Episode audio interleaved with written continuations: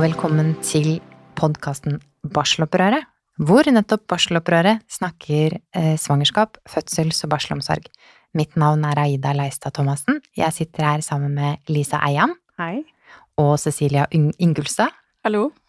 Og i dag, dere, skal vi snakke om barselhotell. Altså ikke barselhotellet på Ullevål, for eksempel, men, men eh, barselhotell generelt, og som en, en del av eh, det tilbudet som fins i Norge. Um, Cecilia? Egentlig snakker vi her om barselhotell som en Både for å se på hva slags utvikling har det vært i barselomsorgen, både på en måte hva slags behov kvinner har, for det er ganske mye som har endret seg de siste tiårene, både når det gjelder ammeråd, hvordan man ser på barseltid, parter eller fedrenes rolle, som gjør at man har kanskje hatt nye behov da i barselomsorgen. Eh, Men samtidig så vil vi også se på barselhotell som noe som vi ser at som en ledd av hvor man på en måte har kuttet også for å redusere kostnader i barselomsorgen, så det handler på en måte også om å se det strukturelle og utviklingen litt over tid. Og- Ja.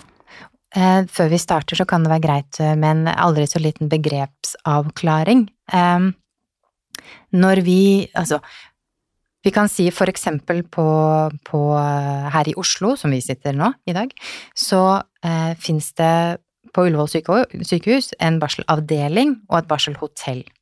Og eh, hvor eh, Um, hvor frisk du er, holdt jeg på å si, etter fødsel, avgjør om du sendes til det ene eller til det andre.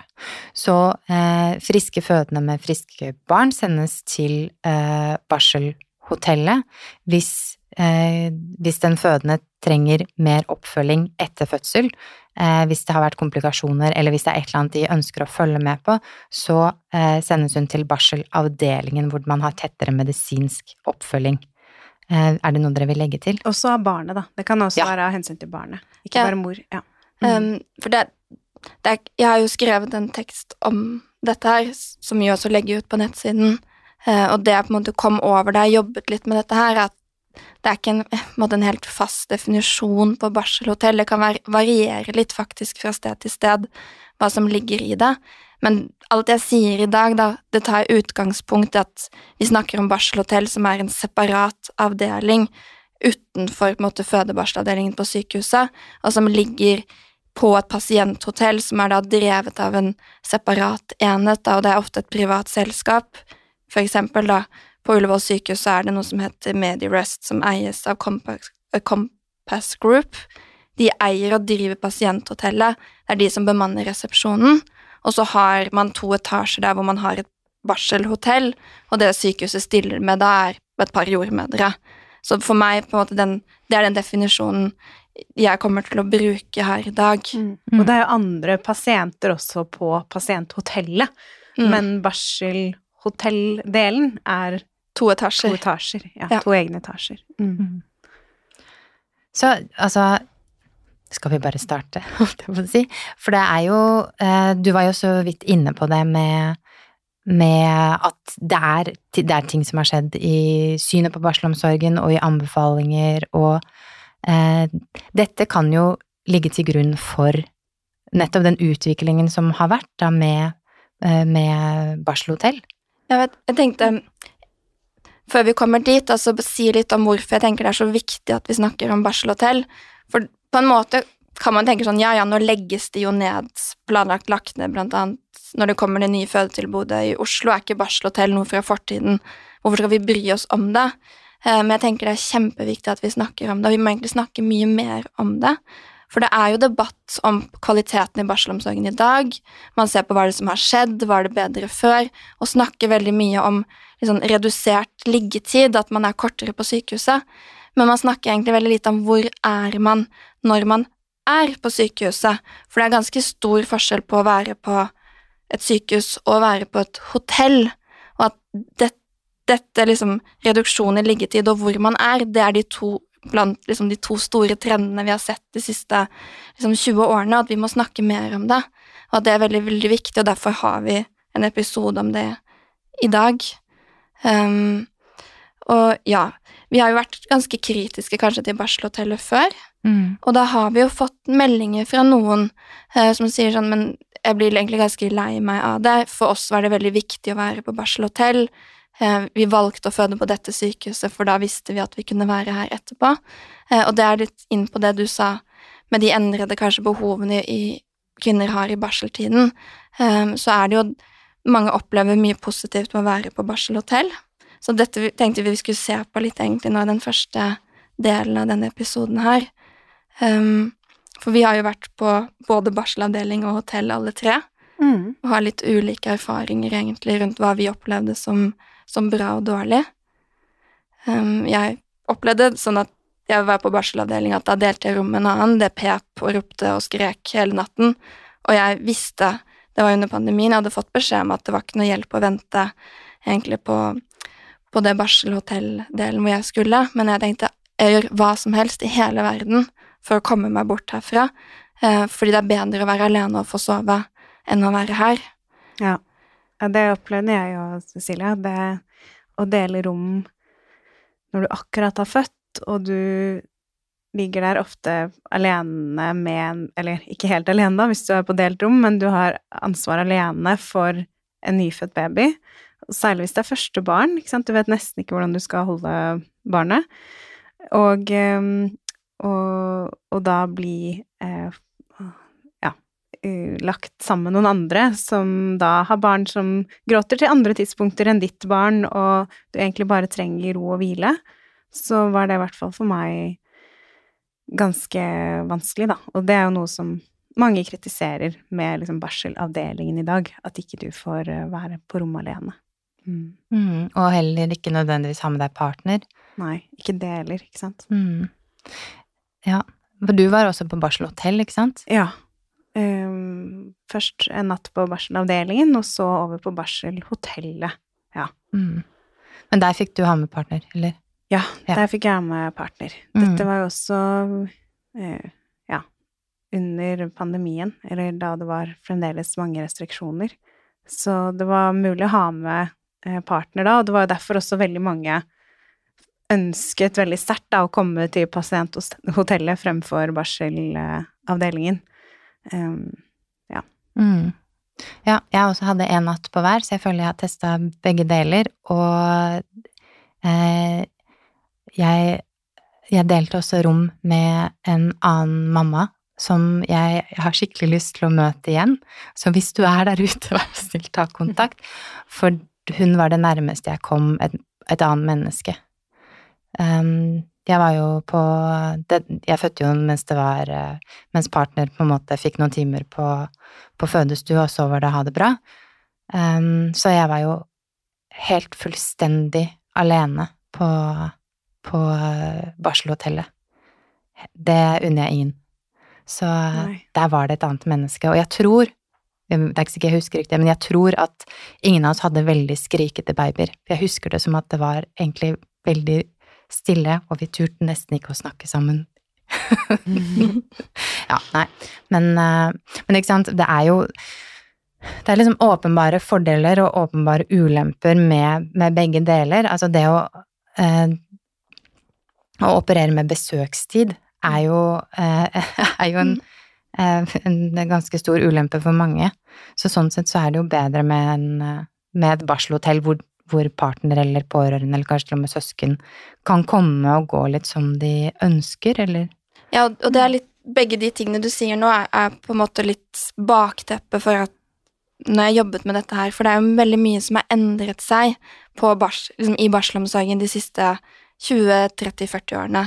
Og det første er jo også på en måte hvordan ser man på barseltiden. Um, for etter krigen så skulle man jo ligge to uker på barsel, og på 1960-tallet så skulle det ikke være under åtte dager.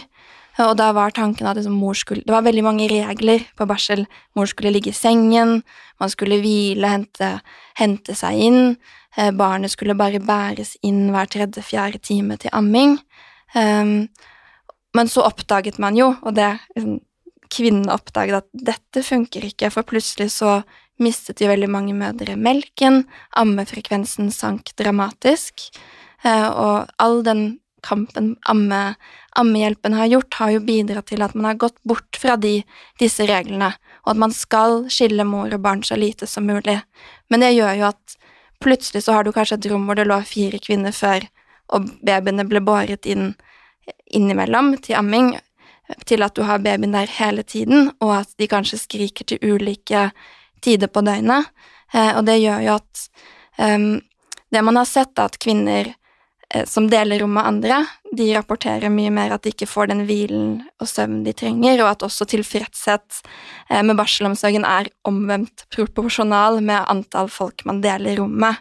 Så det å på en måte gå bort fra å liksom skille mor og barn og innføre det på, på avdelinger hvor man deler rom, er ganske problematisk. Så, så, derfor ønsker jo mange kvinner seg enerom, blant annet når man har spurt, og det er for å kunne hvile. Eh, og derfor er det ganske mange, jeg tror man spurt på Ullevål, eh, vil du heller være på barselavdeling eller barselhotell, og da tror jeg nesten 80% sa barselhotell, og at grunnen til, en veldig, veldig viktig årsak til at de valgte det, var å kunne få privatliv og, og ro og fred rett og slett. Mm, og kan ikke undervurdere hvor viktig det er med, med ro og hvile og restitusjon mm. etter fødsel. For jeg tror noen av de som vi har snakket med, som har fått barn kanskje en generasjon siden, og som snakker veldig varmt om det kvinnefellesskapet, eh, de har glemt at de ikke hadde babyene sine innom natten. Mm. Og at kvinnefellesskap er kjempeviktig, og det bør man sikkert få til også på en annen måte, eh, men å dele rom når du er sliten og ikke får sove, det fungerer for veldig mange veldig dårlig. Mm. Ja. Men du har jo snakka om det endre ammeråd, og at, altså, at, man gikk fra å egentlig se på eh, tiden etter fødsel som en sånn sykdomsperiode hvor man måtte ligge og ikke gjøre noe, til at man i større grad så på det som en sånn naturlig og frisk eh, greie. Og så er det jo det her med eh, partnerne. De har jo eh, de har jo kommet mye sterkere inn i det historisk Eller i de siste Ja, hvor mange årene? Ja, det var vel på 70-tallet at man altså, For å gå litt tilbake igjen, da, så fødte de jo fleste liksom, Før krigen så var det mye mer vanlig å føde hjemme. Um, så da var det jo ditt eget på en måte uh, hus, ditt nærmiljø, og hadde folk rundt deg. Så det var jo først etter andre verdenskrig at liksom, det ble vanlig å føde på institusjon. Så litt Noen ganger så har jo folk liksom, vet ikke uh, trukket litt på skuldrene av at vi maste sånn, vi som fødte under pandemien, om at vi skulle ha med oss partner. Og liksom påpekte at det var jo helt vanlig før å ikke ha det, men det var en veldig, veldig kort tidsintervall fra de kvinnene som fødte etter, etter krigen, som plutselig var alene på en fremmed institusjon. Uh, jeg snakket med bestemoren min om det, og hun husker fortsatt den følelsen av å være på fødestuen når jordmor måtte gå, og hun var helt alene. Så det er sikkert ikke snakk om mer om et par minutter, men den der følelsen, den går aldri bort, og hun skulle ønske at noen kunne holdt den i hånden, bare, liksom, hvem som helst.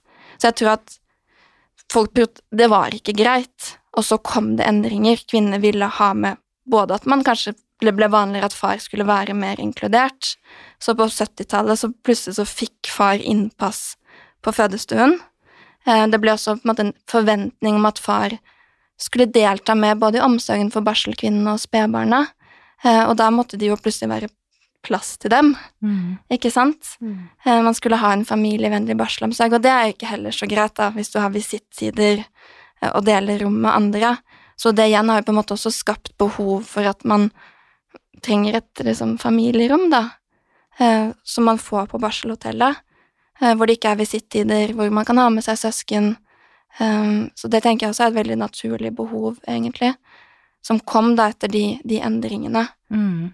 Ja, bare håper jeg, bitte liten Jeg tror ikke de partnerne kom inn sånn plutselig, jeg ser for meg det har vært noe kamp ja, Ja, sa jeg ikke det? Jo, igjen har jo kvinner vært ute og, og krevd endringer. Det var ikke fødeavdelingen som sa 'kom, kom, vi vil gjerne ha dere her'. Nei. Um, det var mye som skjedde på 70-tallet. Mm. Ja, Mm. Uh, og litt det med frisk, som vi snakket om, også synet på barseltiden. Og her er det også på en måte På sykehus så behandler man jo vanligvis syke mennesker. Um, men det man så, at for mange pasienter som kanskje var mer selvhjulpne, og det å kunne ha litt mer frihet det var bra for mange. Så det å være på et hotell hvor det er litt mer på en måte hjemlige omgivelser, du har en resepsjon, du har en restaurant For en del pasientgrupper tenker man at det er positivt også at de kan ta mer ansvar for egen helse og egen hverdag.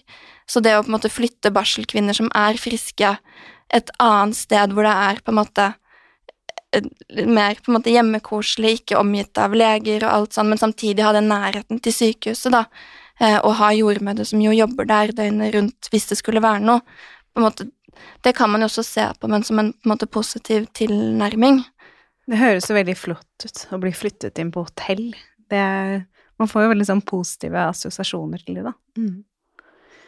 Men hva er det egentlig det er? Ja, ikke sant. Så jeg tenker sånn, dette er liksom ting som på en måte taler til at dette kunne blitt veldig fint. Ja. Um, og jeg vet ikke om dere har lest Berit Mortensen sin bok? Mm, barsel, barselbrølet? Ja. Hvor de snakker om noe som heter barselhagen. Uh, og da forsøkte man jo på en måte Man reduserte liggetiden litt og fikk inn partner. Og vent da, du må si noe mer. Okay, ja. Barselhagen man forsøkte. Vi trenger litt mer kontekst. På vanlig Ja. barselavdeling? Det var vel egentlig som et ledd at man forsøkte å bygge opp det ABC-tilbudet, og at det tok tid. Eh, men at man begynte med på en måte da med å endre barselomsorgen noe. At man Før så var jo liggetiden standard, at alle måtte ligge fem dager, tror jeg det var på den tiden, uansett om du på en måte ønsket det, trengte det eller ikke. Så det man gjorde da, var at man måte bygde om en avdeling til å ha med hjemmekoselig rom. Man inviterte far inn og reduserte Da måtte familiene si at de dro hjem innen 72 timer, så man måtte på en måte samtykke at man fikk kortere tid på sykehuset, men til gjengjeld så inkluderte man partner, man hadde mye oppfølging, og de fikk hjemmebesøk når de kom hjem med en gang, så det var tett oppfølging på en måte av familien rundt. Og jeg tenker at i en, med den opplegget så kan dette fungere veldig godt, men liksom merk at her man ga omsorg til familien, det var tett oppfølging, det var ikke på en måte inn på et rom og så hjem til ingenting, så forutsetningen for at det skal fungere, er jo at det er et apparat rundt familien. Så vil du si at denne um, barselhagen var på en måte en slags sånn, hoppsi, pilot til, til barselhotell? Er det det du Det er jeg litt usikker på om det på en måte var noe som skjedde litt på siden, eller hvordan um, Og det kan godt hende at det kanskje var det, mens det jeg mer har sett på, er på en måte pasienthotell og den liksom større trenden i helsevesenet. Um, akkurat det syns jeg er litt vanskelig å svare på. Men jeg syns mer det er interessant at man kan se at denne typen omsorg, eller den, alle disse måte, positive tingene vi har snakket om nå, det kan fungere, men det forutsetter at det er nok folk der, og det er nok folk med riktig kompetanse rundt. Ja, at det var egentlig litt premisset med å flytte eh, kvinner over på barselhotellet, at der skulle du også få oppfølging fra jordmor, for eksempel. Ja. Mm. Um, fordi det vi jo ser, da, at til tross for alle på en måte positive intensjoner, og at en del kvinner faktisk vil være på barselhotell, så hører vi jo masse historier også om folk sier at man er overlatt til seg selv, det er altfor få jordmødre på jobb, de er vanskelig å få tak i, man får lite ammeveiledning, den er motstridende, og at man rett og slett liksom føler seg ensom og overlatt til seg selv. Um, og det får meg til å tenke på at det virker som det er noe her som ikke fungerer. Uh, og hva er det, og hvorfor på en måte sitter vi veldig mange som har vært på hotell igjen med den der liksom rare følelsen? Litt sånn fremmedgjorte følelsen. Jeg vet ikke, som du beskrev litt av i det, egentlig. Mm. Ja, jeg har jo jeg har omtalt det som å sitte på glattcelle, faktisk. Ehm, den tiden på, på barsel. Særlig barselhotell, faktisk. Ja. Ja, og uten partner. Og uten partnere. Mm. Ja. Eh, Men eh, ja, det er mer om det en annen gang, eller noe sånt. Men jeg tenker det er viktig også å huske på at nå som, sånn som det er for eksempel på Ullevål nå, så er det jo ikke sånn at hvis du er alene om barnet, og det er det jo en del som er, at du da kan få være på barselavdelingen og få avlastning. Alle flyttes over på barselhotellet, eh, og selv om du ikke du har noen pårørende som kan hjelpe deg, så den følelsen av å måte være alene eller ikke få hjelp, den er ikke bare begrenset til, til pandemien. Ikke alle har pårørende som kan stille opp, eller man har barn fra før. Er Ja. Eller man har råd til å betale det det koster for partner å være der, og parkering og Ja, eventuelt det er jo en annen ting. Hvor dyrt det egentlig er å være, å være der for partner. Mm. Ja, og det kan fort Du sa jo at du var der nesten en uke. Ja. Det ble en ganske høy regning, men det var parkering og sånne ting også, da, siden vi hadde bil der. Men uh, det blir en stor utgift. Absolutt. Og tenke på at da egentlig så får man jo et todelt helsevesen, fordi Og kvaliteten på den omsorgen du får, er faktisk avhengig om du har råd til å betale for å ha pårørende der. Mm. Men hvis vi drar det litt sånn tilbake, fordi vi mener jo at, uh, vi mener jo at eh, denne omleggingen eller omstruktureringen av barselomsorgen til eh, i stor grad å Altså at, ja, til at, at eh, pasienthotell og barselhotell har blitt en så dominerende del av barselomsorgen, så mener vi jo det, at det er en at det er problematisk, og egentlig at man kan se det som et ledd i en, i en, i en nedbygging av barselomsorgen. Så skal vi, skal vi snakke litt mer om det, eller? Ja, et, Ja. Og så tror jeg igjen på en måte at vi må ta et par skritt tilbake. Mm. Um, fordi nå skal vi ikke snakke mye om helseforetak og alle disse tingene nå, men det kom også på en måte rundt litt sånn årtusenskiftet eller litt før, på en måte den tanken om at oi, um, helsevesenet vårt er for dyrt, vi må ta kontroll på kostnadene, nå må vi liksom ta grep. Og noe av det man gjorde da, var jo også å begynne å redusere antall sengeplasser på sykehusene, man skulle få folk fort hjem. Eh, og, man hadde jo rundt um, Jeg tror man hadde rundt enda mer enn 20 000 liksom, sengeplasser på sykehusene I Norge? i Norge. Når da? Um, I 1980. Beklager den pausen. I 1980. Men quiz. ja. Mens man for et par år siden da hadde redusert det til omtrent 10 000, mens befolkningen har økt med over nesten 1 million, 1,3 millioner siden den gangen. Så det er jo en dramatisk halvering, og vi er blitt mange, mange flere mennesker i Norge. Um, og da også har man også kuttet i antall barselplasser, rett og slett. Så man vil ha folk ut av sykehusene. Um, og man vil ha kontroll på kostnadene. Og hva er det som koster på et sykehus i dag? Det er folk. Ikke sant? Så um, da barselhotellene kom, så gikk jo til og med også Gro Nylander, som sikkert de aller fleste, ut og mente at hovedårsaken til at man gjorde dette nå, mest sannsynlig var for å redusere kostnader, fordi man kunne på en måte da skjære ned antall helsepersonell til et så lavt nivå som mulig. Um, og det var jo en brukerorganisasjon på den tiden som het Liv Laga, som på en måte også jobbet litt sånn som oss, da mødre som var sånn så at ting ikke fungerte, og prøvde å, å sette søkelyset på det. Og de advarte jo også om barselhotell, og de sa ja, vi kan gjerne være på hotell, men da må vi faktisk få den omsorgen vi trenger.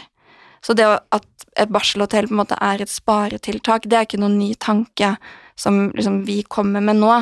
Men det har blitt skrevet mindre om, tror jeg, de siste årene. Men hvis man søker opp, så ligger jo mye av de artiklene ute fortsatt. Jeg syns mye av det er veldig bra. Um, men hvis man ikke skulle tro på det, da, så kom det en rapport i 2011 fra noe som heter Kunnskapssenteret, som ligger under FHI. Eh, og de fikk jo oppdrag på å evaluere pasienthotell og hvordan dette hadde fungert. Eh, og da var et av de målene de skulle se, er om man klarer man å redusere kostnadene. Så det at man måtte flytte deler av omsorgen, og ikke bare for barsel over pasienthotell, det var for å spare penger. Ja, rett og slett. Mm. Er det gjort noe Jeg vet du det, Cecilia, om det er gjort noe, er det gjort noe evalueringer, noe Altså, hva er kunnskapsgrunnlaget bak dette her òg, da? Eller Ja. Ja, for det, det var jo så på en måte et premiss, var jo at ok, vi flytter det på hotell, men liksom, omsorgen skal være like bra eller bedre. Det var jo ikke sånn at man tenkte eh, vi kutter i barselomsorgen, kvinner skal få mindre omsorg. Eh, kan hende at noen tenkte det. Men det var i hvert fall offentlig. Dette har jeg bare lagt til selv, da. Den onde latteren din, mener du? Men, men, og det er jo alltid sånn når man skal gjøre endringer, det kan vi jo snakke om en annen gang, hva slags språk bruker man? Ja. Men for å legitimere og rettferdiggjøre dette, var det i hvert fall at man skulle klare å gi like god omsorg. ja. Um, og igjen, da, dette kunnskapssenteret, denne rapporten fra 2011, skulle jo gå og se på pasienthotell, da ikke spesifikt barselhotell, og se liksom får vi det til, og da både ved å se på kostnadene og faktisk også se på om pasientene var tilfredse og følte seg trygge. Um, og de gjorde ikke noen nye studier, men de skulle gå gjennom studier som fantes, um, og fant egentlig ut at uh, ingen av studiene som var gjennomført, var gode nok til at man kunne trekke noen konklusjoner. Det er interessant. Um, og så sa de også at, i den rapporten at man kan se til på en måte intervjuer som er gjort med pasientene. altså Selv om ikke de fant noe i de studiene som fantes, så kan man jo måle på en måte pasient- eller brukertilfredshet litt ved å se på um, Har man spurt pasientene på sykehus eller i etterkant? Så da tittet jeg jo litt til de pass-opp-undersøkelsene. De har vi jo snakket om før. Kanskje du vil si litt eh, om det, Maida? Hva de sier om barselomsorg og kvinners tilfredshet? De eh, pasient- og bruker... Hva er det de heter? Brukererfaringsundersøkelsene Nå blir det, det Men pass opp, er det liksom det det kalles. Det har vært eh, for fødsels- og barselomsorgen, så den, den eh, nyeste kom i 2018, og det er da eh, basert på undersøkelser hvor man har spurt Jeg lurer på om det er litt over 3000, eller var det over 8000? Dette ble veldig uklart. Men det har vært eller, gjennomført tre ganger? Ja, den første var en pilot, og den siste nå med undersøkelse i 2017, publisert i 2018, og der der eh, ser man at, eh, at de som har spurt, er mindre fornøyd med barselomsorgen enn med eh, fødselsomsorgen. Men det er vel ikke noe skille der på om, om folk har hatt eh, barseltida si på barselavdeling eller pasienthotell eller en kombinasjon. Nei, det gjør ikke det, så, så egentlig så er den på en måte for å evaluere og se om får man like god omsorg på barselhotell som man skal på barselavdeling, så, så sier ikke den, den, undersøkelsen noe særlig. Og så ble jeg litt sånn Æsj, kan man ikke da, når jeg ikke har forskning, kan jeg i det hele tatt uttale meg om dette her? Eh, så tenkte jeg at selv om det ikke finnes noe på på det aller høyeste nivået, så prøvde jeg å se finnes det noen andre undersøkelser hvor man har spurt kvinner om de er tilfreds. Eh, og da kom jeg igjen tilbake til den organisasjonen som het Liv Laga, for de hadde i 2007, sammen med to magasiner, Gravid og Foreldre og barn, hadde de gjennomført en spørreundersøkelse eh, med kvinners erfaring av tilbudet på pasienthotell.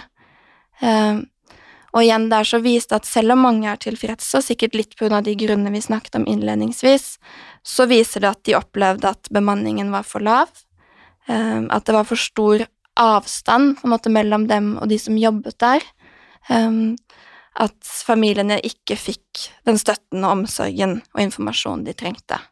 Um, og selv om det ikke har vært ikke som jeg vet om vært gjennomført liksom, noen store undersøkelser etter det, bortsett fra en undersøkelse som ble gjort i 2009 også på Ullevål sykehus som viste mye av det samme, så er jo de vi har intervjuet jordmødre som jobber på barselhotell, mange kvinner har jo også skrevet om det i etterkant. Det er ingenting som tyder på at det er blitt bedre. Og tvert imot så tror jeg at det er blitt verre også, særlig fordi jo man jo nå mange steder erstatter jordmødre med sykepleiere. Så det er ikke bare lav bemanning, men man har også faktisk da folk på jobb som egentlig ikke har den nødvendige kompetansen for å gi ammeveiledning eller jobbe med barselomsorg. Um, så, så, ja, så, jeg, vil vel egentlig si at vi kan si at, at tilbudet på barselhotellene er preget av at det er for lav bemanning at det ikke er tid til å gi den informasjonen og omsorgen kvinnen skal ha, eh, og at det faktum da, at man ikke har gjort en systematisk gjennomgang, både av kvaliteten på tilbudet og av brukertilfredshet, viser at dette er kanskje ikke så viktig på sykehusene når man, når man utformer dette tilbudet. Mm. Mm. Det er Nei. Ja, så jeg mener at dette handler om penger egentlig. Hvorfor gikk man over til barselhotell? Eh, for å spare penger. Mm.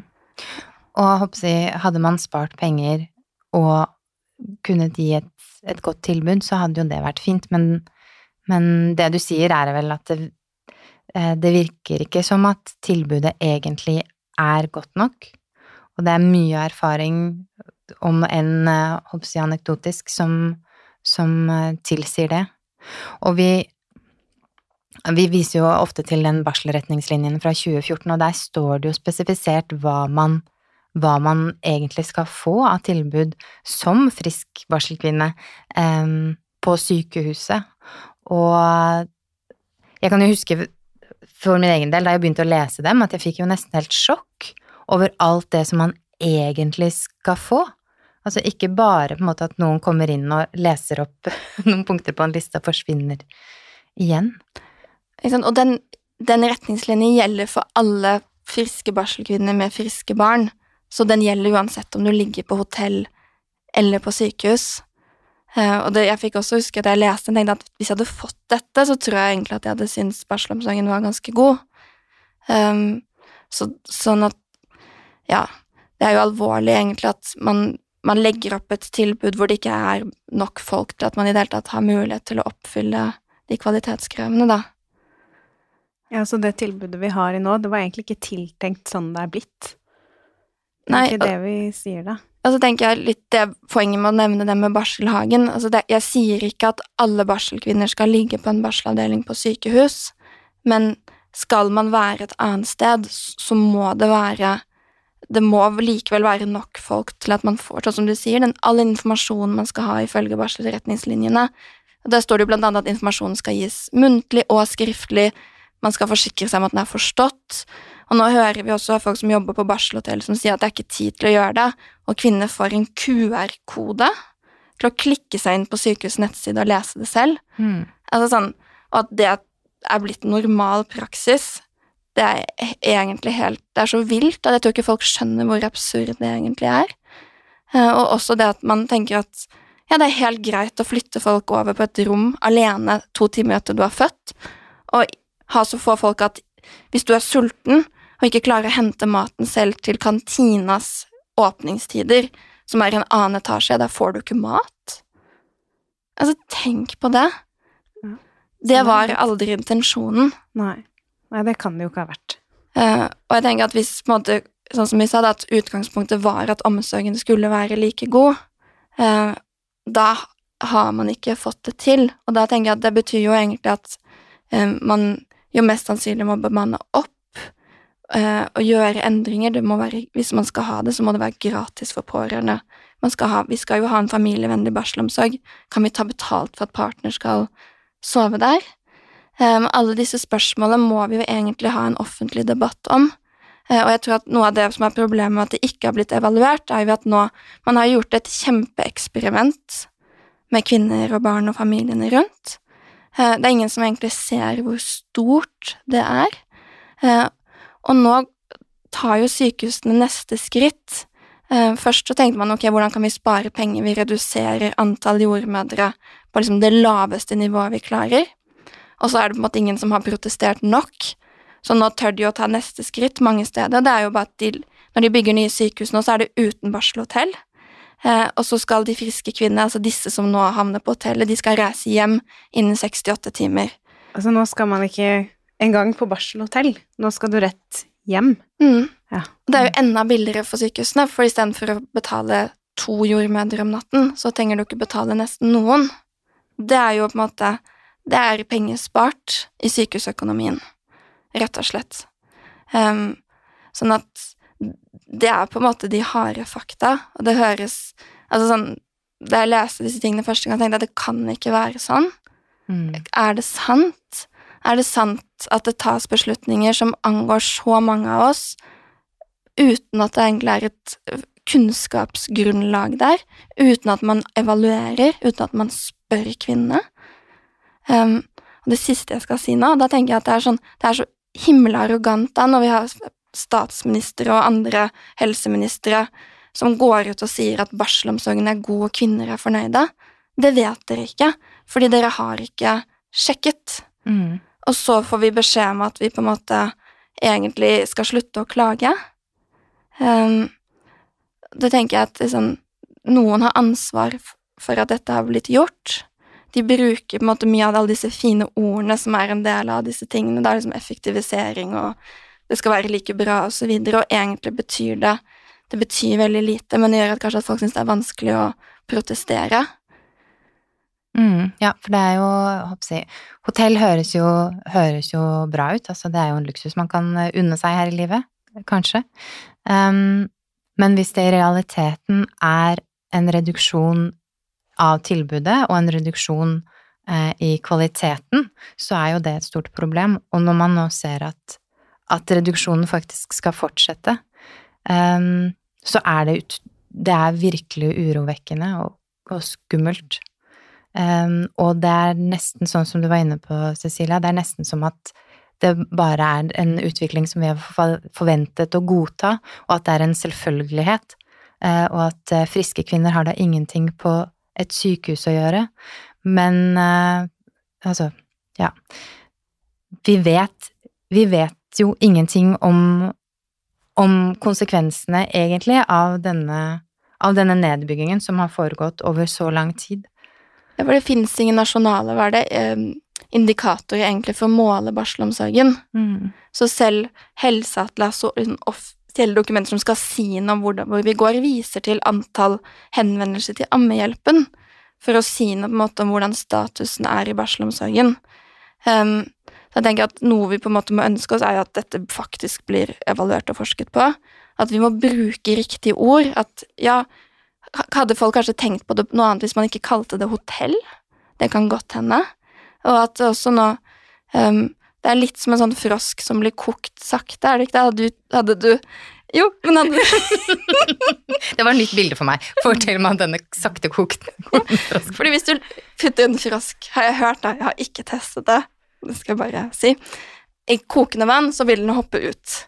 Men hvis du putter den i kaldt vann og skrur vannet liksom, så det blir sakte varmere, så vil den ikke merke det til den liksom er for sent. Og det er jo litt Jeg syns det er det som foregår nå, da, fordi man kutter litt og litt og litt, og så sier man at man egentlig ikke kutter, og ting skal egentlig bli finere. Og den dagen vi våkner opp, sånn som kvinner jo eksempel da Rikshospitalet i København la ned barselhotellet sitt, så våkner vi opp, og det er ingenting igjen. Men vi har ikke merket det før det er for sent.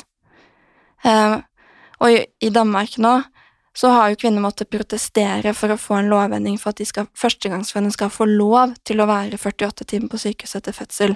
Mm. Så, Tenk på det. Mm. ja, så dette vi skisserer nå, det er ikke på en måte Dette er ikke skremmeretorikk. Som noen har anklaget oss for før. Nei. Um, det er den veien vi går, Mm. med mindre vi på en måte sier stopp. Det er så Mm. viktig å sette litt fokus på det, eh, og snakke om det. Fordi det er det vi har sett, at det er kanskje ikke nok debatt rundt akkurat det her som vi For- snakker om nå. For det er noe med når sykehusene er bygget, da er det ikke de rommene der lenger. Og det som skjer i Danmark nå, er at folk har panikk, for nå kommer den lovendringen, og det er ikke plass til dem. For de har bygget sykehus hvor det ikke er plass til barselkvinner. Hvor i all verden skal de gjøre av dem da? Mm. Så det- Hallo, Bergen. Ja, hallo Bergen, hallo nye OS. De planene legges nå. Det kommer til å få kjempekonsekvenser for hvordan fremtiden ser ut. Så Dette er høyst aktuelt. Mm. Så hvis ikke du vil eh, ikke våkne opp fordi du er en kokt frosk, så er det egentlig nå vi må sette inn støtet. Ja, det er det. Og eh, hvis, eh, hvis du har lyst til å eh, lese enda mer om, eh, om utviklingen av barselhotell, og selvfølgelig eh, sjekke alle kildene våre, så er du velkommen til å gjøre det. Eh, teksten ligger på eh, nettsiden vår, barselopprøret.no. Da må jeg si tusen takk til, eh, til deg som hørte på, og takk til, eh, takk til dere som sitter her. Og så vil vi sende noen tanker til de stakkars froskene